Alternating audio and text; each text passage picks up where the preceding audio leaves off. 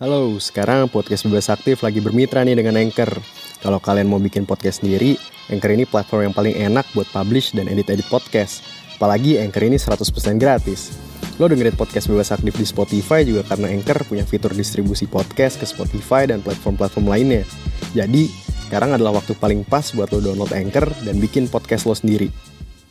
While the shooter was the one who entered the high school and pulled the trigger, There are other individuals who contributed to this to the events on November 30th, and it's my intention to hold them accountable as well. It's imperative we prevent this from happening again.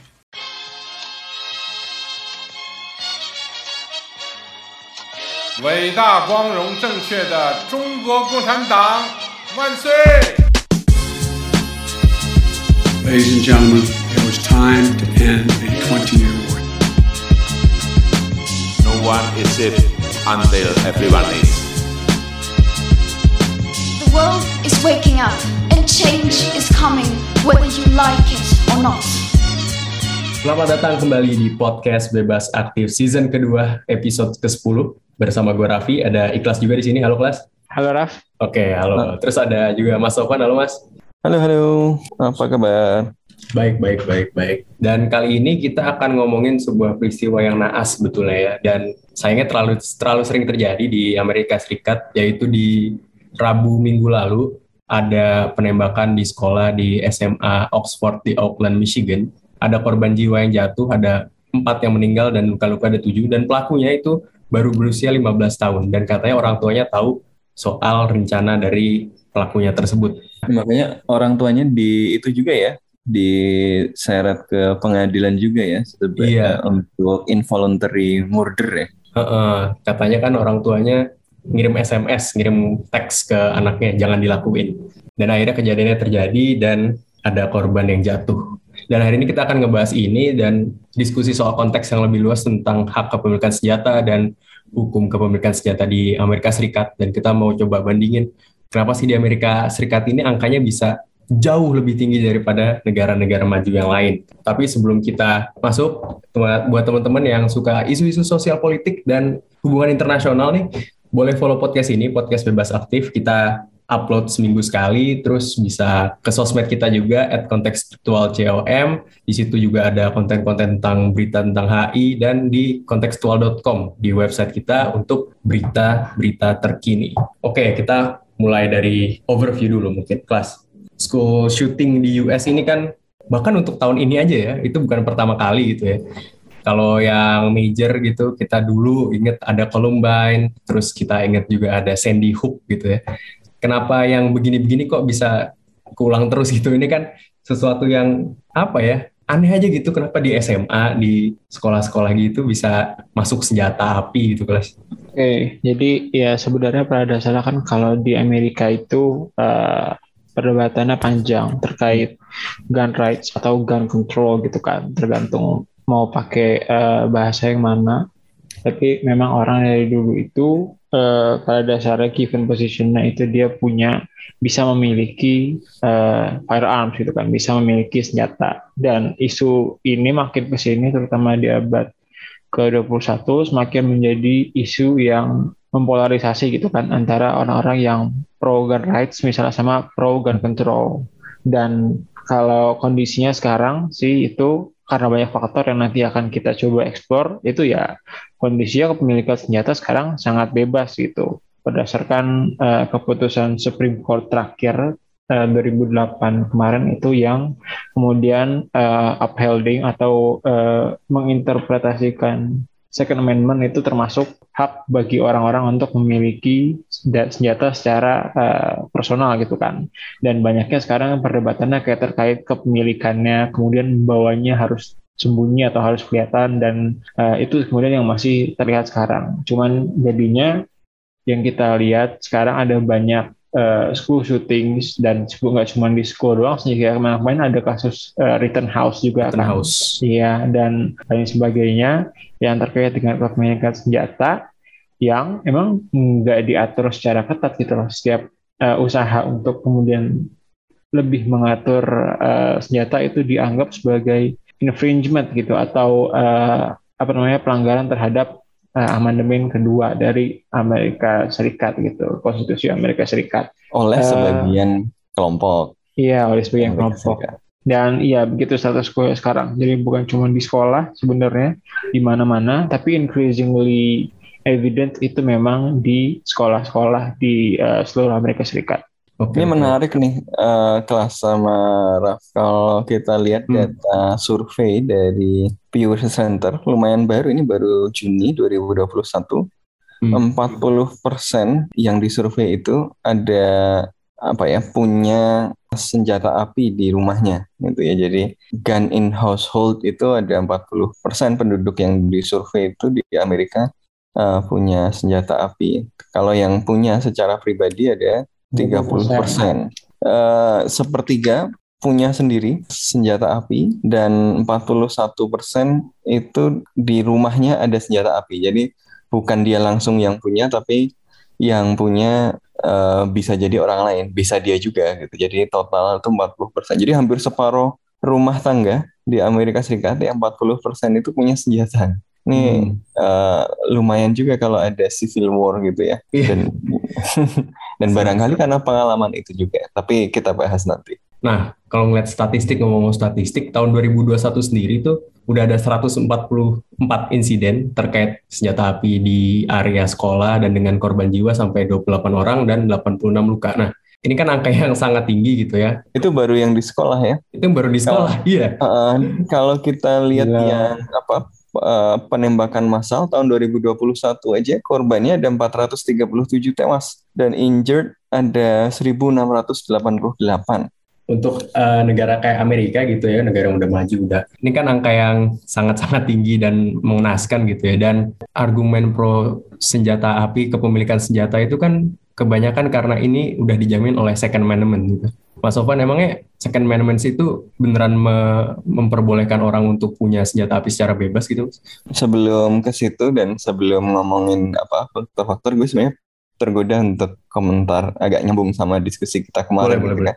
Ini kasus unik Amerika Serikat ya. Eh, ini apa eh, soal eh, penembakan ini dan eh, hak untuk senjata api gitu. Itu eh, gue pengen apa ya coba mengajak kita berefleksi lagi ke pertanyaan kita kemarin apakah orang Indonesia pemalas karena gen gitu. Jangan-jangan Eh. kalau kita Oh, semal nyambung ya. kalau kalau kita malas berpikir juga kita juga akan ngomong oh jangan-jangan orang Amerika itu suka nembak karena gen gitu. Cuma kan eng- enggak gitu. Itu kan jawaban eh, yang malas gitu ya. Kalau malas ya jangan nganggap orang lain malas kan karena gen gitu. Eh, apa kalau kita lihat faktornya eh, saya kira bisa dilacak pada tadi eh, faktor historis dan eh, konteks eh, perkembangan politik dari Amerika Serikat itu sendiri ya. Hmm. Eh, nanti Ikhlas mungkin bisa cerita soalnya dia eh, mengamati gun rights ini sejak lama karena pengen punya senjata api ya kelas ya. Waduh. Oh enggak ya. Eh, Enggak. tapi eh, ada beberapa poin yang menurut gue penting sih ya. Kepemilikan senjata api ini erat kaitannya dengan konteks Amerika Serikat yang pada waktu itu di kemerdekaannya itu ditopang oleh eh, koalisi dari milisi-milisi eh, patriot gitu ya yang Hmm. eh, menghendaki kemerdekaan dari eh, Inggris. Jadi eh, di Inggris sendiri sebenarnya juga membuat milisi-milisi gitu. Jadi di jadi koloni-koloni itu kan ketika mereka datang ke tanah baru ya, orang-orang dari Eropa ini kemudian kan membuka lahan gitu ya. Orang yang di situ sebenarnya mungkin sudah ada tanahnya orang Indian dan macam-macam, tapi kan eh, mereka kemudian melihat itu sebagai ya dunia baru, tanah baru. Oh, ada orang India ya usir aja, orang Indian usir aja gitu, kira-kira gitu. Nah kalau kalau mau ambil tanah, mau menguasai wilayah dan macam-macam itu kan ya butuh kekuatan ya, butuh senjata. Ya akhirnya kemudian ada milisi-milisi ya nggak cuma untuk tentu saja uh, ada kaitannya dengan uh, apa penguasaan tanah gitu ya, tapi juga penjagaan keamanan uh, wilayah-wilayah koloni ini.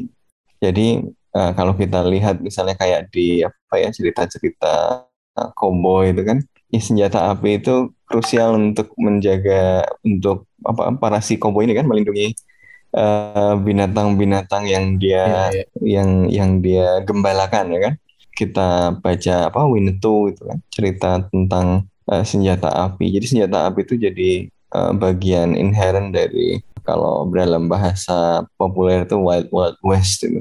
Eh, kenapa? Karena dia berkaitan erat dengan eh, sejarah keberadaan orang-orang imigran yang datang dari Eropa ini gitu ya yang datang dengan membawa mimpi-mimpi tapi juga sekaligus ya membawa kekerasan. Karena mereka harus menguasai eh, tanah dan menjaga keamanan eh, tanah itu gitu kan. Nah, dalam konteks inilah kemudian muncul eh, ya kesatuan-kesatuan ya milisi-milisi ya kelompok-kelompok yang mempersenjatai diri.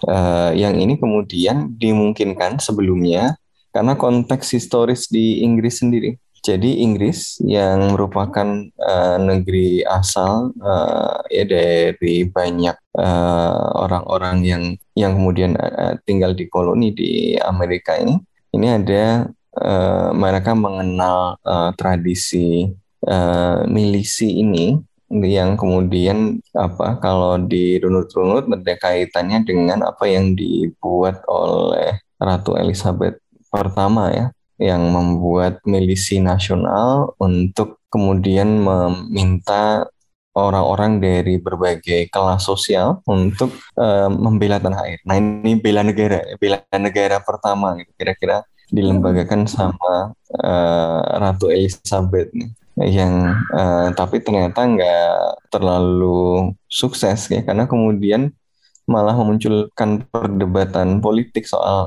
bagaimana mendirikan milisi, siapa yang mengendalikan milisi, dan kemudian malah menghadirkan perang sipil Inggris ya tahun 1642 sampai tahun 1651 dan eh, kemudian apa yang kita kenal sebagai eh, Glorious Revolution. Nah di eh, Glorious Revolution ini ada eh, ya kemudian kan kita ingat tuh Glorious Revolution ini kan termasuk peristiwa yang mempengaruhi tokoh-tokoh apa liberal seperti eh, John Locke ya. Kalau kita kem- kemarin eh, pas belajar di teori politik atau di teori HI atau teori ekonomi politik internasional kan harusnya eh, ingat eh, cerita soal eh, Locke ini ya dan bagaimana Locke berbeda dengan Hobbes kan. Hobbes yang lebih awal ini hadir dalam kondisi perang sehingga dia misalnya menghendaki adanya sebuah negara yang kuat. Tapi John Locke itu eh, hidup dalam eh, konteks yang dipengaruhi oleh Glorious Revolution itu sehingga dia menghendaki negara yang minimal kan, menghendaki kebebasan eh, yang eh, lebih besar dari warga untuk menentang tirani. Nah, konteksnya juga begitu. Jadi konteks self defense ya, keep and right to bear arms itu eh, kemudian berkait eh, ide ini berkaitan dengan kemampuan ya, eh, dan kapasitas untuk kemudian bisa me- menghadapi tirani dari dari monarki. gitu. Jadi asalnya adalah dari semangat eh, Glorious Revolution ini. Nah, ini di Bill, British Bill of Rights itu disebutkan bahwa the subjects which are Protestants may have arms for their defense suitable for their conditions and as allowed by law yang kemudian diinterpretasikan sebagai hak untuk yang memiliki eh, senjata eh, yang kemudian bisa digunakan eh, untuk mempertahankan diri menghadapi eh, monarki. Jadi awalnya hak ini eh, kaitannya dengan si parlemen ya karena waktu itu kan mulai kemudian muncul konsep ada parlemen yang meng- mengendalikan atau mengontrol si monarki ini. Supaya si parlemen ini punya kekuatan untuk mengontrol monarki eh, karena monarki inilah yang punya tentara kan karena Royal Air Force ya kan Royal Army Royal apa kan semuanya punya monarki. Jadi eh, supaya si parlemen ini bisa eh, balancing bisa self preserve bisa mengimbangi si monarki ada eh, hak dari eh, individu untuk kemudian punya senjata untuk menghadapi tiran tirani dari si monarki ini. Nah, ini muncul seiring dengan konsepsi itu uh, kehadiran konsepsi demokrasi, monarki konstitusional dan macam-macam. Nah, gagasan itu kemudian pengaruh pada uh, konteks Amerika yang baru yang yang konteksnya di tanah baru, dia koloni, dia perlu melindungi diri dari uh, berbagai ancaman maupun ya untuk mengambil alih tanah gitu kan dan seterusnya. Uh, tapi kemudian milisi-milisi ini akhirnya terbelah, ada yang pro Inggris, ada yang anti Inggris. Nanti setelah Inggris terusir, ada yang pro federal, ada yang nggak mau uh, jadi negara federal kan. Akhirnya sebagai kompromi, ya salah satu ceritanya adalah sebagai kompromi supaya yang nggak yang anti federal itu uh, yang nggak mau jadi uh, uh, negara serikat dengan pemerintah federal yang kuat itu uh, karena takut mereka ditindas lagi oleh pemerintah pusat oleh pemerintah federal akhirnya dapat konsesi bahwa eh kalian boleh bikin milisi kok. Uh, ada rights to bear arms yang yang kalian boleh punyai. Nah, tapi yang menarik adalah kalau kita lihat sejarah Amerika ini tadi ya bertalian erat uh, milisi-milisi ini dan hak untuk membawa senjata ini tidak hanya dengan perlawanan terhadap Inggris tetapi dengan rasisme struktural yang di Amerika Serikat ya. Nanti misalnya dalam Second Amendment itu ya keterangan-keterangannya untuk punya senjata dia harus merupakan anggota milisi dan itu artinya uh, cuma orang kulit putih gitu yang yang bisa. Ini nanti akan menjelaskan kenapa uh, sampai ke sini gitu yang sangat populer un untuk membela Second Amendment dan dan uh, membela hak untuk punya senjata adalah orang-orang uh, yang kalau kita lihat di sejarah dalam perang sipil ini adalah yang membela perbudakan gitu ya kelompok kelompok-kelompok yang kuat mendukung konfederasi ya kira-kira gitu. Jadi ada pertaliannya dengan sejarah uh, revolusi uh, di Inggris yang kemudian memerlukan senjata untuk balancing kekuatan monarki supaya parlemennya punya kendali dong gitu pada monarki uh, bisa mengimbangi si monarki yang kemudian masuk ke Amerika dalam konteks ekspansi ke wilayah baru ya diperlukan milisi-milisi ini untuk menguasai tanah untuk melindungi mereka sekaligus untuk kemudian untuk melawan Inggris hmm. ke, lalu ketika Inggris pergi ada perdebatan di antara mereka sistem Amerika itu mau federal atau enggak gitu ya lalu komprominya adalah federal tapi federalnya bisa dikontrol kok dikontrol oleh apa oleh milisi uh, ada ada daerah-daerah itu negara-negara bagian itu tetap bisa mengontrol kekuatan federal. Caranya dengan apa? Dengan punya milisi. Hak-hak punya senjata itu nggak di nggak dirampas. Nah, kemudian ada pertaliannya, pertaliannya dengan sejarah perbudakan dan sejarah rasisme di Amerika Serikat. Hmm, hmm. oke oke. Halo, sekarang podcast Bebas Aktif lagi bermitra nih dengan Anchor. Kalau kalian mau bikin podcast sendiri, Anchor ini platform yang paling enak buat publish dan edit-edit podcast. Apalagi Anchor ini 100% gratis. Lo dengerin podcast Bebas Aktif di Spotify juga karena Anchor punya fitur distribusi podcast ke Spotify dan platform-platform lainnya. Jadi, sekarang adalah waktu paling pas buat lo download Anchor dan bikin podcast lo sendiri. Menarik-menarik, saya juga baru tahu ternyata bisa dirunut sampai ke Glorious Revolution dan lain-lain ya. Oke oke keren keren. Kalau lu kelas gimana kelas? Iya. Jadi ya benar sih jadi sebagian besar udah sama Mas Sofwan gitu kalau ada kaitannya uh, di Second Amendment. Tapi kalau gue bisa ini yang lebih lengkapnya, jadi kan hmm. biasanya emang sering di highlight itu kan uh, the right of the people to keep and bear arms itu aja gitu. Tapi uh -huh. kalau kalimat sederhana itu ya a well regulated militia being necessary to the security of a free state the right of the people to keep and bear arms shall not be infringed gitu kan. Nah, hmm. jadi emang konteksnya balik lagi ke perdebatan federalis dulu kan sama apa anti federalis gitu yang satu takut sama tirani, yang satu takut sama anarki gitu kan. Jadi salah hmm. satu komprominya adalah ya di eh, negara-negara uh, bagian di states itu ada bisa ada milisi-milisi yang dia itu juga bisa memiliki well regulated militia. Jadi bukan cuma sekedar milisi di mana orang ngumpul tapi emang milisi yang kayak ya udah kayak TNI gitulah yang kayak berlatih rutin terus habis itu emang ada tugasnya patroli hmm. apa atau menjaga apa gitu kan. Tapi ya akhirnya milisi itu kan fell into disuse panjang abad eh, 18 19 terutama 19 gitu kan uh, kemudian ya nggak ada lagi tuh milisi-milisi gitu kan. Akhirnya sebenarnya relevansi kalau dari ini ya dari arti kalimat ini kalau yang gue pahamin meskipun bukan anak hukum pada akhirnya harus balik lagi ke konteks milisi itu kan. Dan sebenarnya udah ada beberapa kali juga uh, kasus yang sampai ke Supreme Court terkait gun rights ini.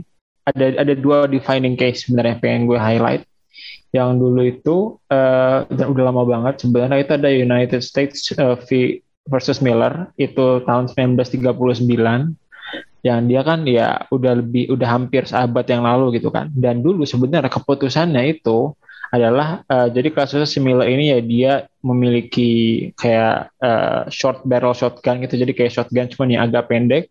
Dan dia menggunakannya kan ya secara kepemilikan personal dia juga gitu. Bukan konteksnya dia adalah bagian dari sebuah milisya dari sebuah milisi. Nah dan akhirnya diputusin kalau ya akhirnya uh, Supreme Court itu berpihak sama United States kan.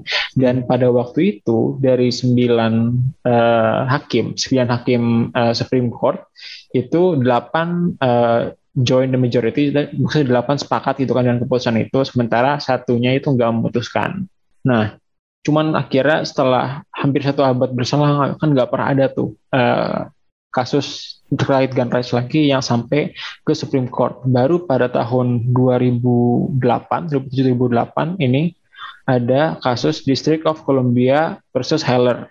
Nah itu tuh uh, jadi Heller ini dia mantan polisi dulu dan dia masih ingin menyimpan uh, pistolnya, menyimpan senjatanya untuk keperluan pribadi gitu kan. Jadi jadi emang dia nyimpan dan pada tahun itu ketika satu lagi kasus terkait gun rights naik gitu kan sampai ke level Supreme Court setelah hampir satu abad nggak pernah naik ternyata uh, lima dari hakim uh, Supreme Court memutuskan kalau uh, Heller ini sebenarnya berhak untuk memiliki senjatanya gitu secara pribadi. Balik lagi tadi ke uh, haknya juga the right of people to keep and bear arms. Jadi dari uh, sementara empat empat hakim lainnya itu uh, dia apa namanya dissent atau tidak setuju dengan keputusan tersebut. Nah, uh, jadi ini kan bisa dilihat bahwa dalam satu hampir satu abad gitu ada perubahan gitu dari yang sebelumnya uh, kan kalau Supreme Court hakim-hakim itu di Amerika Serikat ditunjuk sama presiden dan butuh approval dari uh, Kongres ya, terus dari Senatnya gitu kan yang biasanya agak susah.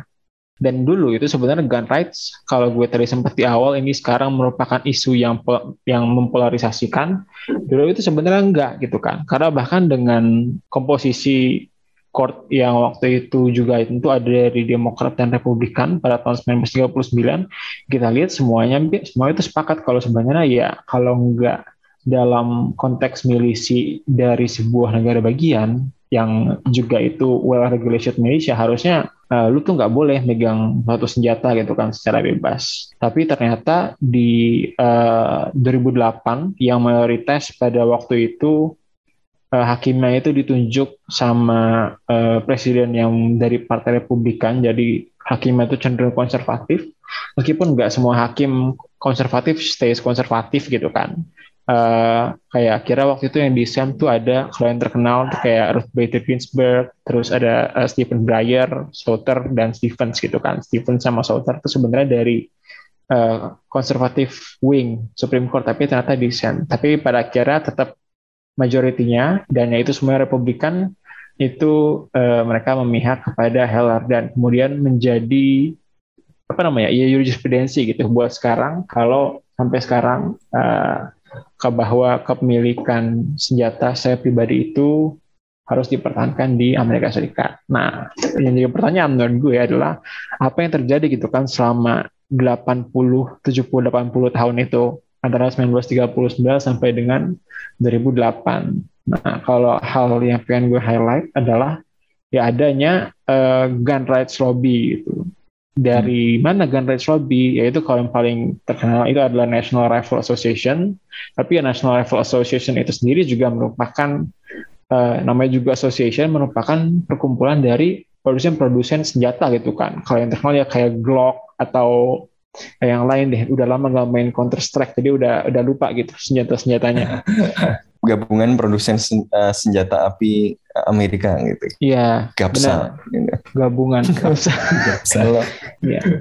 gabungan-gabungan produsen tersebut yang kemudian bisa memiliki kekuatan lobby gitu kan. Karena kalau di Amerika Serikat itu memang lobby itu diperbolehkan dan ada jalur legalnya. Jadi siapa pun uh, dan terutama korporasi sih banyak lobby ke politisi-politisi dan dalam hal ini NRA menemukan ya kesamaan gitu kan dengan uh, fellow Republicans yang emang mereka kalau kita runut lagi ke belakang ya dia tuh dia lebih bercorak konservatif, bercorak uh, yang freedom dari uh, baik personal maupun states-nya dari tirani pemerintah pusat. Jadi itu yang kemudian uh, diskursus itu yang dimainkan di exacerbate sampai kemudian bisa sampai pada keputusan landmark kayak United States v. Heller yang kemudian juga kayaknya masih agak sulit kalau mau di overturn lagi karena sampai sekarang mayoritas dari Supreme Court juga masih konservatif. Apalagi baru-baru gitu kan yang ditunjuk sampai Donald Trump sampai ada tiga hakim. Dan eh, itu juga banyak berpengaruh sampai perbatan-perbatan lain dibawa di level yang lebih rendah itu karena kan pertempuran dari gun rights ini juga eh, berlangsung di eh, apa namanya kehakiman-kehakiman di level yang lebih rendah. NRA itu kalau nggak salah dia nge-branding dirinya bukan sebagai uh, gabungan dari produsen-produsen senjata api ya, tapi kayak pembela hak asasi kan. Iya, kayak NGO gitulah ngomongnya.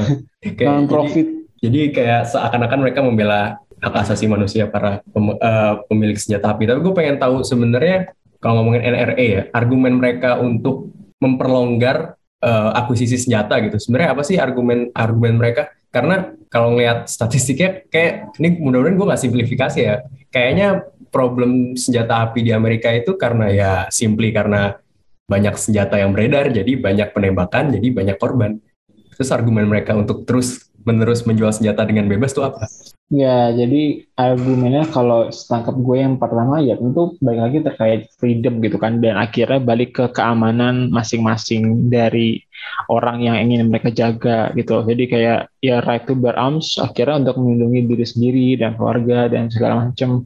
Dan diskursus ini yang kemudian kita lihat berkembang over time gitu kan, terutama dalam satu dua dekade ke belakang mungkin jadi kayak argumentasi yang lebih aneh-aneh lagi gitu. Kalau misalnya tadi Raffi kan ngelihat uh, apa namanya banyaknya crime dari hmm. uh, eh bukan crime ya banyaknya kasus syuting karena kan nggak semuanya akhirnya dijatuhin sebagai crime yeah. banyaknya kasus syuting ini ya karena banyaknya senjata tadi tapi kalau kata beberapa orang bukan beberapa orang sih banyak orang gitu kan di salah satu sisi kayak terutama dari Republican itu ya bahwa harusnya uh, kalau banyak uh, shootings kita harusnya kalau banyak uh, bad guys that shoot that shoot malah kita harus banyak banyak good guys juga good yang punya senjata gitu kan. Jadi kayak kayak logikanya muter-muter dan emang apa ya agak sulit dan makin wild sebenarnya kalau sekarang dan Argumen. ini yang kemudian jadi isu polarisasi salah satu isu yang mempolarisasi Amerika sekarang. Hmm argumen deterrence gitu ya kayak kayak nuklir makin baik nuklir makin damai gitu ya. berarti kelas.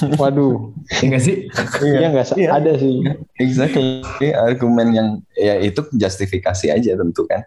Uh. Uh, yang jelas ini tadi seperti dibilang ikhlas ya bisnis besar ya 40% of household pegang senjata itu kan uh, kalau satu senjata harganya berapa? Berapa sih harganya kelas di sini ribuan, di sini nggak dijual gitu di warung depan. dolar ini. jadi bisa beli mobil, bisa beli rumah. jadi, gue nggak tahu uh, harganya berapa, tapi anyway itu pasti bisnis besar sekali gitu ya. Jadi uh, ya tentu ada kepentingan uh, kepentingan untuk itu. Dan yang kedua tentu saja faktor tadi uh, historis dan ideologis tadi ya yang tertanam uh, sangat dalam ya dalam psikologi uh, sebagian segmen di Amerika Serikat ya. Kalau kita lihat ya bagian dari identitas uh, hmm. kalau kita lihat misalnya uh, soal gun ownership ini dan gun uh, regulation ini menggambarkan keterbelahan Amerika Serikat loh. Ini misalnya kalau kita lihat dari kepemilikan misalnya kebanyakan pemiliknya adalah uh, kulit putih. Ini survei di uh, Pew Research Center kebanyakan yang uh, menghendaki aturan yang lebih lebih ketat adalah kulit hitam dan demokrat. Hmm. Terus uh, kalau kita lihat petanya di uh, dukungan politik ini support for stricter gun laws di Republikan cuma ada 20 persen. Sementara Demokrat itu 81 persen. Jadi kontras sekali. Jadi memang uh, ini isu yang yang sangat ideologis dan selama uh, Partai Republik itu jadi partai besar gitu ya, ya ya akan susah untuk apa ya untuk sampai misalnya jadi nggak boleh gitu. Uang cuma lebih strict saja dukungannya di Republikan cuma tadi cuma 20 persen. Jadi uh, ini isu yang menggambarkan uh, sedikit banyak uh, fragmentasi Amerika Serikat dan uh, struktur ekonomi politik dari Amerika Serikat itu yang berkaitan dengan sejarah perbudakan gitu ya. Kenapa orang-orang kulit putih Republikan banyak mendukung uh, itu? Ya karena mereka punya sejarah milisi kan. Mereka yang uh, kemudian punya khawat, mereka adalah kelompok-kelompok yang uh, skeptis dengan kekuatan pemerintah federal gitu mereka uh, nanti juga ada kaitannya dengan apa perang sipil ya kelompok kelompok konfederasi kan. Sementara kenapa kulit hitam yang menghendaki stricter law yang apa yang lebih strict ya mereka jadi korban. Yeah. Mereka yang paling banyak jadi korban gitu. Uh, ya ada aspek rasisme struktural juga di dalam kepemilikan senjata dan ada aspek uh, apa sejarah uh, politik Amerika Serikat itu juga gitu. Ya karena itu ini jadi sesuatu yang ya karena karena dia sangat ideologis ya uh, agak sulit nih bagian dari identitas gitu bagian dari worldview hmm. dan makanya uh, NRA juga ya menyesuaikan lah dengan segmen yang sangat besar ini dan menjual uh, dirinya sebagai pembela hak uh, bukan soal jualan gitu karena uh, imajinasi soal kebebasan dan kebebasan itu dibela dengan kepemilikan senjata uh, ya sangat kuat tertanam mm-hmm. di mhm. sebagian segmen ya. Ya, ya menarik juga misalnya kan kenapa apa yang cenderung uh, pro gun law juga cenderung anti BLM gitu kan? Iya. Yeah. ya. Dan mereka senang kemarin ketika rit, apa Rittenhouse itu uh, acquitted ya kan dibebaskan. Jadi mereka merasa uh, ya untuk melindungi diri dari ya kelompok-kelompok yang dianggap uh, mengancam identitas Amerika gitu kan sekarang mereka punya dan mereka merasa aman menggunakan itu karena sistem hukumnya leaning to them kan institusi uh, hukumnya uh, seperti kasus Rittenhouse kemarin apa memberikan keputusan yang favorable kepada si pemilik senjata yang menggunakannya untuk membunuh orang gitu. Benar kalau okay. ngeliatnya gimana? Ini kayak paket gitu ya, paket identitas gitu ya. Kalau kalau pro gun rights berarti anti ini, pro ini, anti ini gitu ya. Dan kayaknya yeah. bakal bakal hmm. lama nggak sih beginian-beginian tuh polarisasinya? Apa menurut lu justru makin Untung ya? cebong kampret belum pegang senjata ya. Waduh, repot gitu. Nah, kalau itu kalau oh, itu mah udah ribut dua-duanya pro gun loss kayaknya. dua-duanya pro gun loss ya. Uh, sebenarnya kalau gue melihatnya kalau terutama dalam kasus Amerika kan kalau kita lihat adanya perbedaan politik atau identitas, maksudnya kelompok-kelompok yang uh, pro gun ownership itu kan kayak sebenarnya banyak eksis gitu, terutama di negara-negara uh, maju gitu, yang hmm. banyak populasi kulit putihnya. Karena kan agak jarang kalau kalau segini di negara-negara kayak kita di tiga boro-boro beli senjata gitu kan, mau kuliah juga mikir bayar, aduh gitu. Nah, uh, cuman masalahnya adalah bagaimana keterpecahan sosial itu atau yang kayak perbedaan identitas itu bisa kemudian translates into uh, policy gitu, bisa translates ke hukum, bisa translate sampai ke kebijakan. Nah, ini sebenarnya gue balik lagi ke mekanisme di Amerika Serikat dan waktu itu gue sebenarnya pernah baca juga kan kalau tadi Raffi ngomong ini kayak ada satu paket identitas ya dan dalam hal dan dalam hal ini ya bisa di sum up dalam secara sederhana ya meskipun jangan terlalu diambil juga dalam setiap kasus karena menggeneralisasi dalam sesuatu brand yang kita bilang sebagai konservatisme gitu kan. Dan konservatisme ini kan ada banyak di di uh, berbagai belahan dunia gitu. Di Inggris ada partai konservatif begitu juga di Jerman ada CDU di Prancis di uh, Australia juga sampai New Zealand juga semuanya ada gitu kan. Uh. tapi kenapa kita lihat uh, partai yang konservatif, notabene di Amerika Serikat ini jauh lebih radikal gitu kan daripada yeah, counterpartnya lain di uh, berbagai belahan dunia gitu. Nah, ini sebenarnya kalau menurut gue balik ke sistem politiknya dari Amerika gitu yang kemudian memungkinkan secara uh, apa namanya partai Republikan yang konservatif yang kalau di negara-negara lain itu pasti kalah tuh dalam beberapa pilpres terakhir karena kalau di negara-negara lain kan sistemnya kebanyakan ya popular majority gitu kan. Kalau ya hmm. ya dapat 51% suara, oke okay, menang. Tapi kalau Amerika Serikat justru dia pakai electoral college gitu kan dan dia uh, banyak sistemnya dari pemilihannya tuh yang beda-beda lagi deh. Dia bisa ada distrik apa namanya? First past uh, distrik, post kan ya? Iya, kayak gitu kalau nggak salah. Dan dia uh, kalau secara kalau secara uh, apa namanya? suara populer, suara mayoritas itu Republikan harusnya nggak pernah tuh milih Donald Trump, milih George W. Bush, dan uh, sampai beberapa presiden belakangnya itu karena secara suara populer dia kalah gitu kan. Cuman akhirnya sistem Amerika Serikat yang memang dibuat oleh founding fathers-nya itu salah satunya untuk ya checks and balances gitu kan, terus separation of powers. Jadi emang benar-benar eh, orientasinya jangan sampai ada terlalu banyak pemusatan kekuasaan dan juga yeah. mendorong kerjasama antara keduanya itu kan. Yang kemudian memungkinkan uh, this kind of konservatism yang secara jumlah itu sebenarnya kalah dan kalau uh, gue lihat juga tengok kayak uh, survei gitu yang secara umum dan bukan cuma satu survei ya banyak itu kalau support for stricter gun laws di Amerika Serikat itu selalu di atas 50% gitu.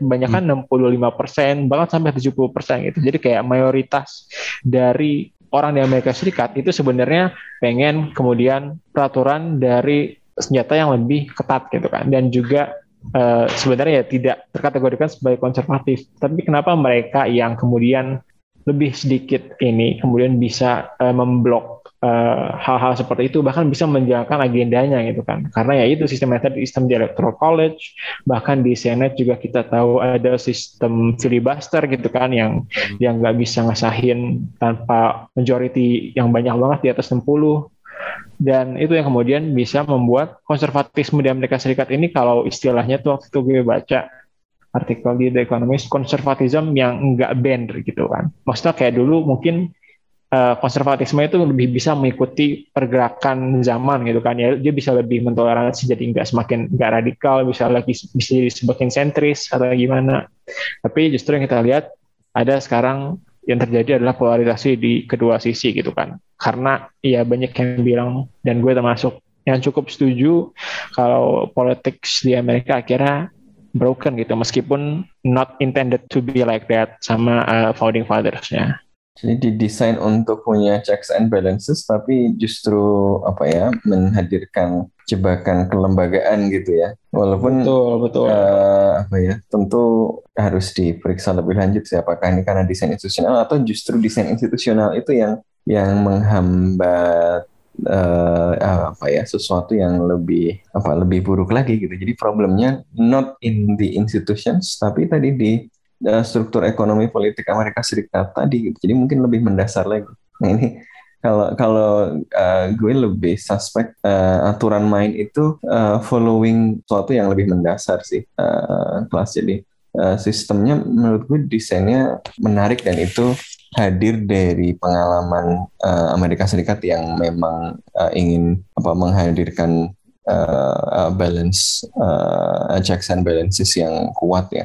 Kalau kemarin misalnya nggak ada checks and balances yang kuat ya, Trump kan malah bisa lebih bebas lagi bikin yeah. macam-macam gitu sebenarnya. Jadi uh, betul ya, bahwa ada problem kelembagaan yang uh, mungkin menghadirkan apa stagnasi sehingga uh, apa ada penguatan uh, di uh, sebagian apa segmen konservatif dan penguatan konservatisme.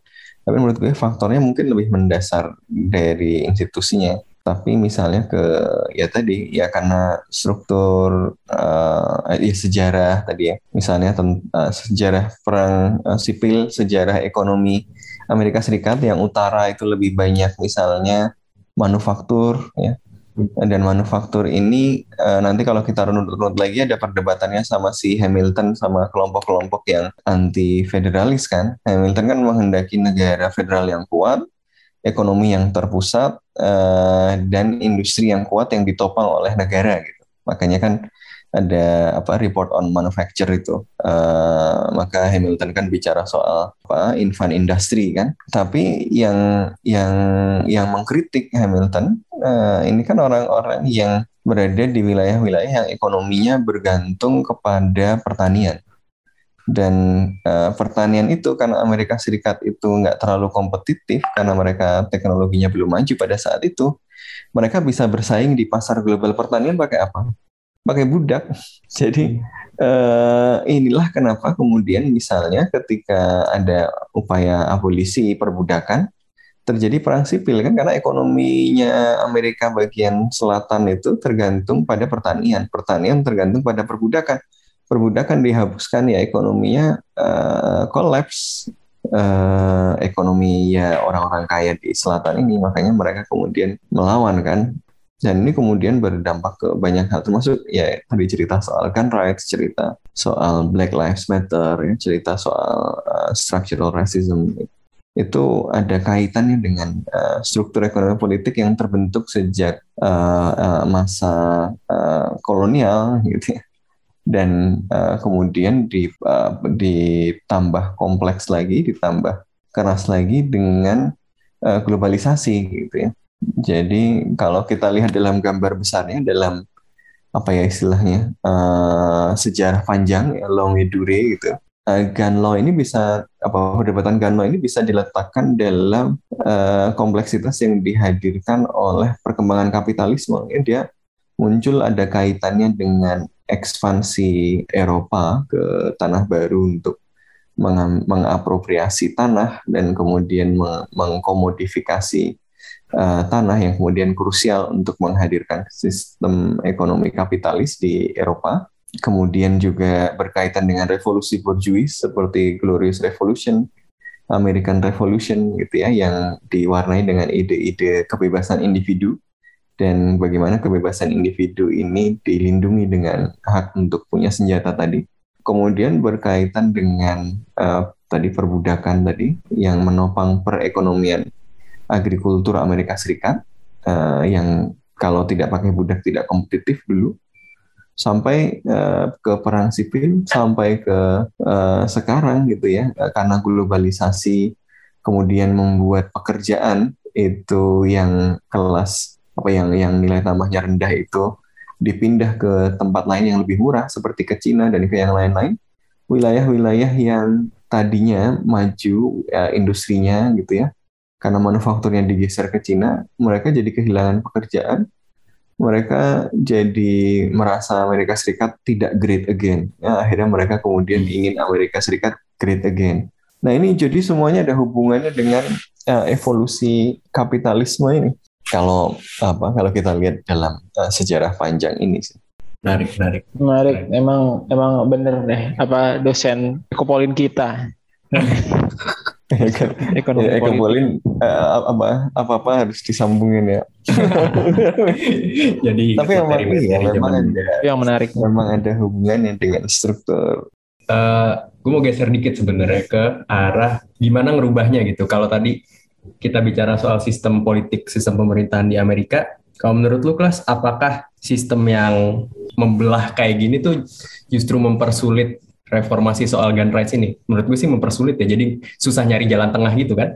Ya, sebenarnya kalau status quo ya dan dan dengan pandangan gue yang kayak tadi lebih mati secara institusinya, proses politiknya gitu kan, uh, dengan kondisinya semakin terpolarisasi ini, meskipun kita nggak tahu di masa depan bisa jadi ada perubahan apa, tapi in the near future ya secara politik isu ini deadlock gitu kan di hmm. legislatif paling enggak karena kan kalau presiden ya kita terkait siapa aja yang milih tapi pada akhirnya yang bisa membentuk hukum gitu secara langsung itu dari legislatifnya itu pasti mentok gitu. karena eh, nggak eh, bisa kita buat lagi sementara itu satu jalan keluar kalau terkait dari gun laws-nya aja yang bisa lebih strict dan bisa lebih mengatur itu ya nggak bisa dari mana-mana lagi selain dari Supreme Court-nya gitu kan yang nanti hmm. kalau misalnya bisa lebih secara dominan uh, liberal gitu kan Supreme Court-nya atau yang memang ternyata ketika ada kasus lagi yang diangkat dan ternyata ya keputusan dari hakim-hakimnya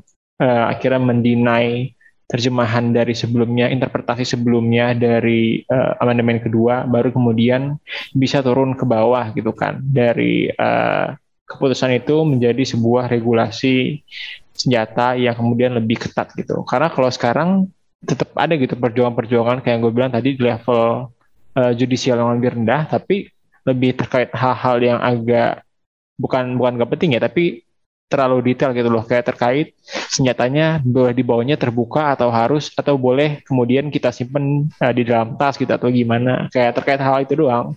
Tapi uh, keputusan yang lebih definitif terkait uh, gun rights, gun laws dan gun ownership ini kalau di Amerika Serikat buat sekarang cuma bisa di resolve sama Supreme Court-nya gitu. Dan kemenangan besar Demokrat nggak menurut lu kelas? Kalau bisa iya sih kemenangan besar Demokrat dan dalam kasus yang kita bahas sebenarnya ya hak apa anak-anak juga di sekolah dan mereka yang masih menuntut ilmu gitu kan karena increasingly mereka yang menjadi korban.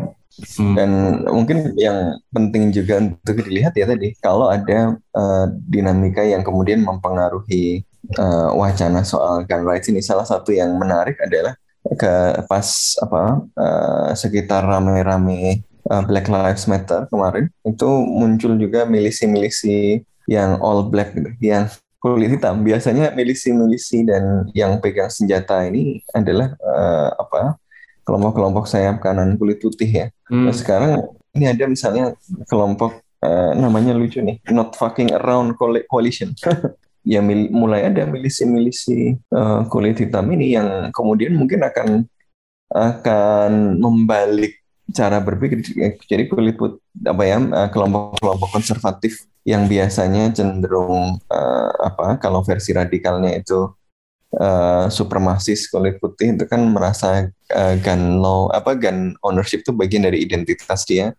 Hmm. salah satunya untuk melindungi diri dari ancaman terhadap kelompok-kelompok yang apa ya yang mengancam gitu kan yang mengancam identitas Amerika ya seperti kelompok-kelompok kulit hitam ini. Dan mereka merasa dengan itu lebih aman gitu kan. Makanya pas Black Lives Matter kan mereka pamer senjata. Ada ada video yang uh, apa menggambarkan bagaimana ada yang punya rumah keluar rumah pas demo itu pakai yeah, iya. senjata yeah. dan seterusnya gitu kan maksudnya uh. itu part of their identity tapi mungkin kalau imaji apa kalau uh, asosiasi senjata ini nanti jadi nggak cuma dengan milisi kulit putih jadi nggak cuma dengan apa ya uh, identitas Amerika tapi kemudian banyak milisi kulit hitam gitu dan hmm. mereka nggak bisa dilarang juga kan karena seharusnya berlaku juga kebebasan right to bear arms itu untuk mereka. Mungkin mulai mikir juga wah kalau uh, apa kelompok-kelompok ini pada pegang senjata bingung juga mungkin kelompok-kelompok konservatif itu. Dan dan tapi ya bahaya juga bisa jadi perang sipil uh, uh, betulan gitu ya. Ya menurut gue um, sudah nggak rasional ya dengan dengan tingkat kekerasan setinggi ini dengan fragmentasi sosial yang setegas ini di Amerika Serikat kok uh, apa gun law-nya masih seperti ini mungkin kita butuh mengirim antropolog untuk lebih memahami orang Amerika. Jadi jangan cuma orang Amerika ngirim antropolog ke Indonesia. Iya nih. Orang Indonesia unik kayak apa gitu kan. Coba kita yang datang ke sana mengamati ini orang-orang. Ini spesies macam apa ini? Ya, berlakunya kayak apa? Gitu. Jadi uh, harus ada tuh Amerika. Tidak beradab ini. Jangan, jangan cuma Indonesianis gitu, tapi ada Amerikanis, Amerikanis. gitu dan ya kira-kira kayak gitu. Lalu dengan anekdot apa bisa bikin cerita di New York Times gitu kan? Mungkin Mas uh, Maisa mungkin ya. Wah cocok ya. Jadi ya ya unik sih gitu ya. Semoga sih jawabannya bukan tadi oh Amerika Serikat ada gen uh, suka senjata gitu. Oke oke oke oke. Terakhir sebetulnya, gue mau ngedrop statistik dulu nih bentar. Membandingkan Amerika dengan negara-negara maju yang lain sama teman-temannya teman-temannya sendiri. Di Amerika itu pembunuhan atau kekerasan dengan berbasis senjata itu 73 persen. Tapi di Inggris di Inggris yang pemerintahnya itu konservatif semenjak zaman jebot ya semenjak 2008 atau 2007 gitu. Itu cuma 4%. ini ini kan jauh banget dan ada masalah di konver, konservatisme Amerika kayaknya ya Mas ya. Iya dan ya karena senjata ada senjatanya tadi gitu. Kalau di Inggris ada ada rasisme, ada apa? FPI juga tuh, Front Pembela Inggris ya. Oh iya. Uh, Waduh. Namanya Brexit Party kalau nggak salah. Bukan. Oh, bukan. Inggris apa EDL, English Defense League ya kan? Oh, Sama kan? Eh, eh, Front Pembela Inggris lah kalau terjemahan bebasnya kan. Iya, iya. Eh, biar lebih kontekstual dengan Indonesia gitu. Eh, cuma mereka kan nggak punya senjata. ya mereka melakukan kekerasan juga. Eh, kelompok-kelompok neonazi itu kan di Eropa juga melakukan kekerasan. Tapi nggak pakai Cuma- senjata. gitu. Cuma karena senjata tidak bisa diakses dengan bebas, ya nggak se mm, dampaknya nggak se- sebesar itu gitu ya. Dan kalaupun di sekolah ada orang-orang stres mau nembakin orang juga Nggak juga nggak ada senjata gitu. Dan kekuatan politik mereka juga nggak bertranslasi menjadi kebijakan gitu kan kayak di apa namanya eh, Amerika ini yang semakin banyak Iya orang-orang radikal yang kemudian bisa eh, membentuk kebijakan. Gitu. Oke oke oke. Kayak gitu aja ya, Mas Sofan ikhlas. Ya semoga inilah eh, Amerika Serikat eh, nanti beneran bisa eh, menunjukkan pikiran yang jernih gitu ya sehingga Hmm. melihat statistik-statistik ini ya mbok ya mikir gitu ya bahwa Oh ya mikir. kok be- kok beda sama yang lain gitu. Kok eh, kekerasan dengan senjata api tinggi gitu ya. Dan Hmm. Eh, kemudian ya dealing dengan eh, problem ini eh, secara eh, baik-baik lah ya.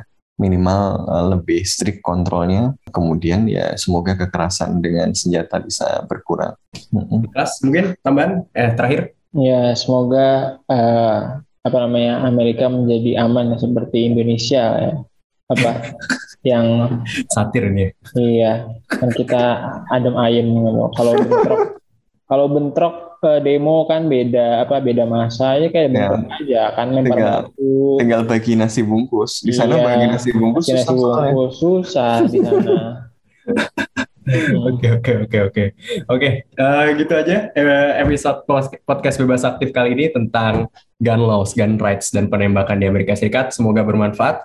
Semoga angka kekerasan dengan senjata dan tidak bersenjata semakin berkurang di mana-mana. Kalau gitu gue Raffi, Ikhlas dan Mas Sofwan cabut dulu.